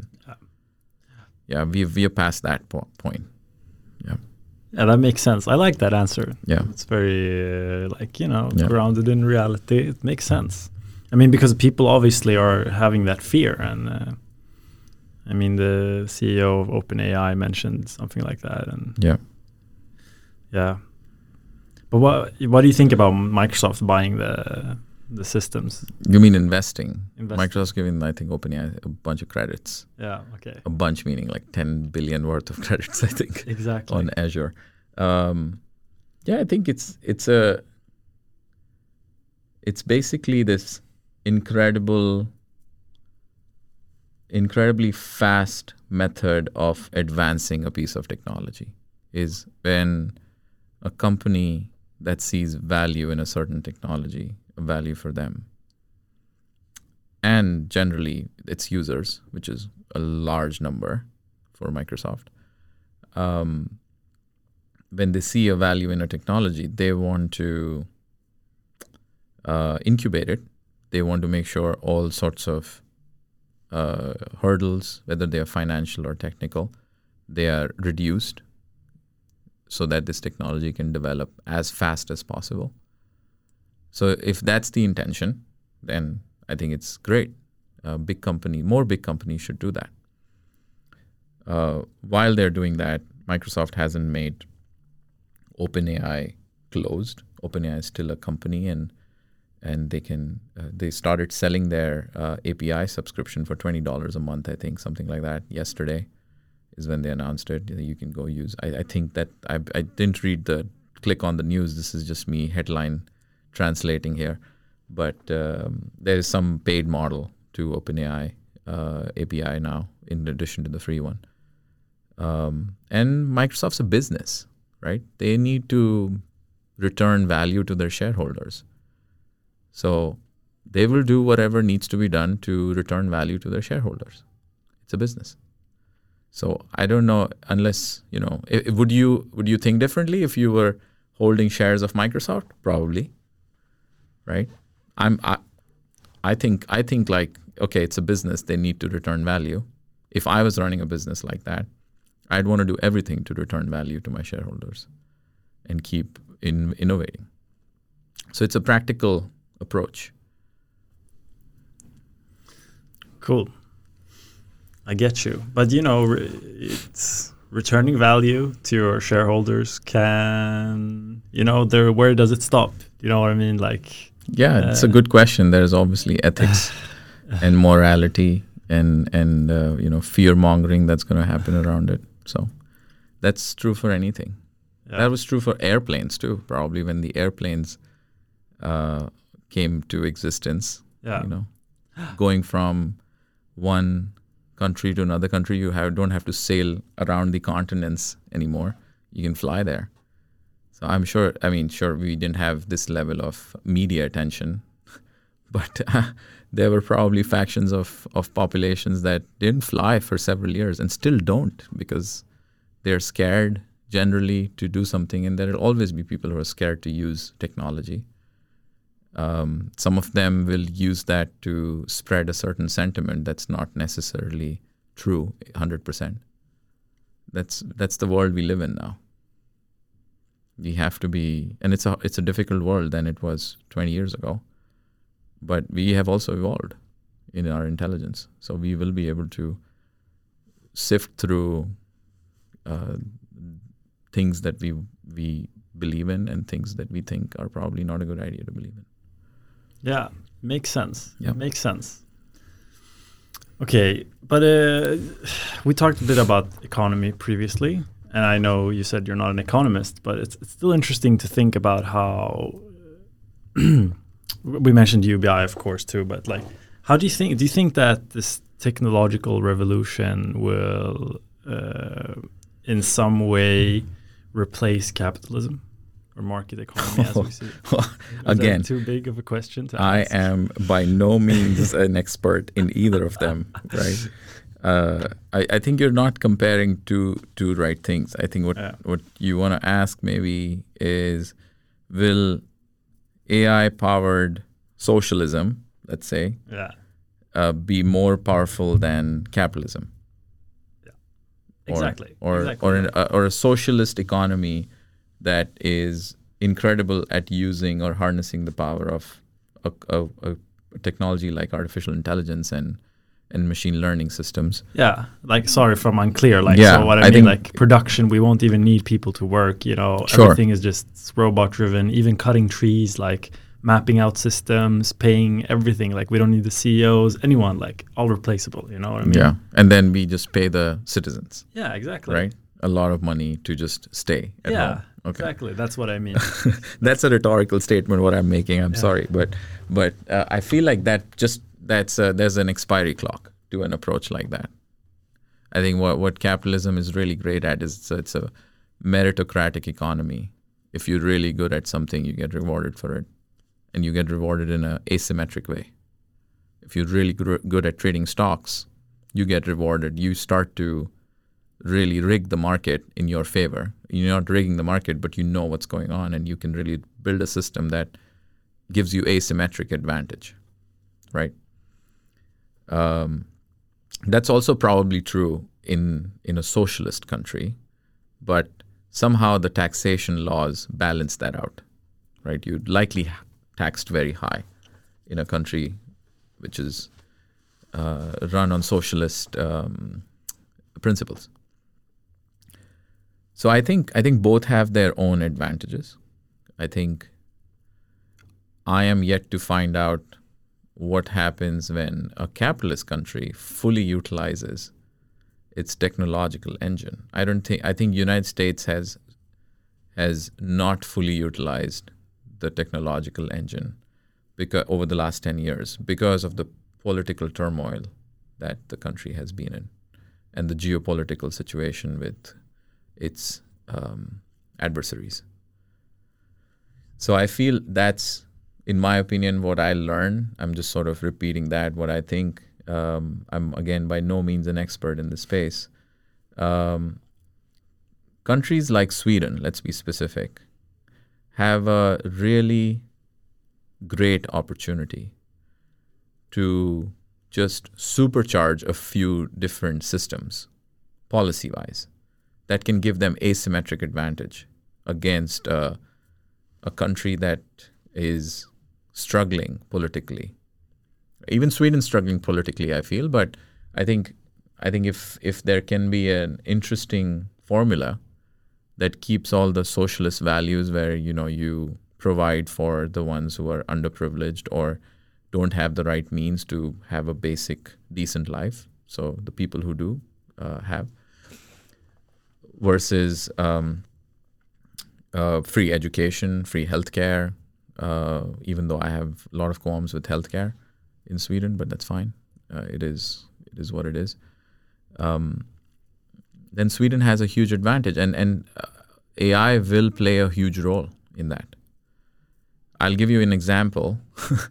this is this is going to get a little bit controversial, but let's my my migration application has been stuck for a while. Okay, and for good reasons. The the Swedish migration agency is is overloaded with with uh, applicants and so on, and they they have to be careful of who they uh, let into the country, right? So they have to review everything. They have to go by the law. There are laws and rules that we all follow, but a lot of that work can actually be done today by uh, an, an artificial intelligence system. It's basically taking structured text and making sense of a decision. The migration agency has tons of data on past decisions, how they've made decisions. So they can really simplify and speed up a, a system. So I'm just I'm just giving you an example of how AI can be put in practice in certain central factions or, or cer- certain central systems such that we can go faster and reduce the burden of um, of growth, of what growth and, and demand for growth brings to, to a country or to a government that is struggling with these kind of things. Same for, I think the tax system is beautiful in Sweden in some ways. Um, it's simple. I mean, if you look at the US tax system, that's a whole different, filing taxes in the US is, is a whole different experience. Uh, so I feel like there's there are opportunities. I may not be given a, giving you a great example or a set of examples, but I feel the ability for the population to have access to free education, have access to internet. Sweden was one of the first countries that had high-speed internet. You guys have had it for several years, uh, and access to healthcare, and you know some basic income. When you're a student, you get paid CSN right? If you're a student in college, you get paid someone's a little bit of money, which is actually decent to survive. Combination of that can really upskill the population very quickly if you have the right incentives and the right goals around it. So I, I feel like Sweden is doing a lot to encourage its young population to take up professions of the future and really upskill. But there are challenges that still exist. So basically, it's like it's important which the fundamental, like the ideology is like fundamental. It's important what we build mm-hmm. on it, like the technology we build on it. Yep. we need to be we need to be aligned. Yeah. We need to have aligned incentives for what creates value for the country. Yeah. And and clearly, technology is a sector that will create a lot of value for any country. Yeah. And the driving forces behind technology, again, are energy and intelligence. So Sweden needs to drive the cost of energy low and the cost of intelligence low to actually go past that glass ceiling of you know building that flywheel and escape velocity of going really fast um, also I, I think I think there's also the whole uh, idea behind compensation. Uh, just we the world we live in, high tech workers um, are compensated incredibly generously uh, in the United States that I know and, and some other countries. So countries that don't have this sort of asymmetric pay for technology technology workers, it's hard for them to attract really great talent and that's one of the challenges for countries like that. So there has to be a way around that as well where an incentive system needs to be built uh, that the incentives are are more aligned to how these other countries have managed to attract talent and create value and then reward the workers right? So stock options and rsus and these kind of things really work in favor that have very uh, favorable tax options and that creates value new jobs and you know the economy just grows and with the existing uh, socialist system in Sweden, I'm not an expert again. There needs to be some way where we figure that out. We figure out a way to reward the people who are going through skilling up in technology, uh, learning, and then eventually contributing to the economy back in a asymmetric way. Actually, the contribution back is asymmetric in some ways in terms of growth. So asymmetric compensation, I think, makes sense in some ways. Yeah, it's a it's an interesting idea, really. Yeah, because then they will go create more companies, and likely create more jobs, and perhaps the school gets famous that they trained at, and then that school gets more students. Right, so it becomes this flywheel of value creation. I'm not talking about money, but actually value creation. Yeah get you. Definitely. Mm-hmm. It's really interesting that that asymmetrical compensation idea. I mean, do you know anywhere where they use it? Have you seen like a practical? No, example? I don't. I mean, it's again, I'm I'm saying this from a perspective of you know this is the that best parts of capitalism. It, it it's an opportunity to to adapt the best parts of capitalism and the best parts of socialist uh, governance and combine them. Uh, that's I think where some of the great value growth economies will be. Is where you kind of combine these two, and you really create this incentive for people to skill up in certain. And same goes for healthcare, right? I was talking about technology, but even healthcare is another sector. I think where I don't think people are paid well in countries outside the US in healthcare. It's such an essential function. Yeah, I mean, uh, this was super interesting, really. Yeah, I, I this you really uh, uh, opened up my pores, my clogged pores in my head. I don't know, maybe maybe I said random things that will come back and haunt me. in 10 years, maybe. I don't know, maybe sooner. But oh. the time, it's the internet. Now yeah. it's going to be out on the internet. So, yes. Yeah. Yes. So, I don't know, maybe sooner. Thank you very much for uh, being on the podcast. Uh, I learned so much. I got so many perspectives. I, I really like that you you are. I feel like you're very realistic in your answers. Um, mm-hmm. Like when you, especially like coming to harm reduction and stuff like that. You, I like it. It's very like grounded. You know. Yeah, yeah. I'm I'm opinionated about some things, and I feel like having this framework of realism helps me uh, check those opinions. Cool. Yeah. But thank you so much. This was super super fun. I I had all the fun here. Same. Uh, and I hope uh, you know we we get to keep talking and keep digging on these topics offline. Of course. Yeah. Of course. Yeah. This was great. Thank you, Martin. Thank you so much. Thank you.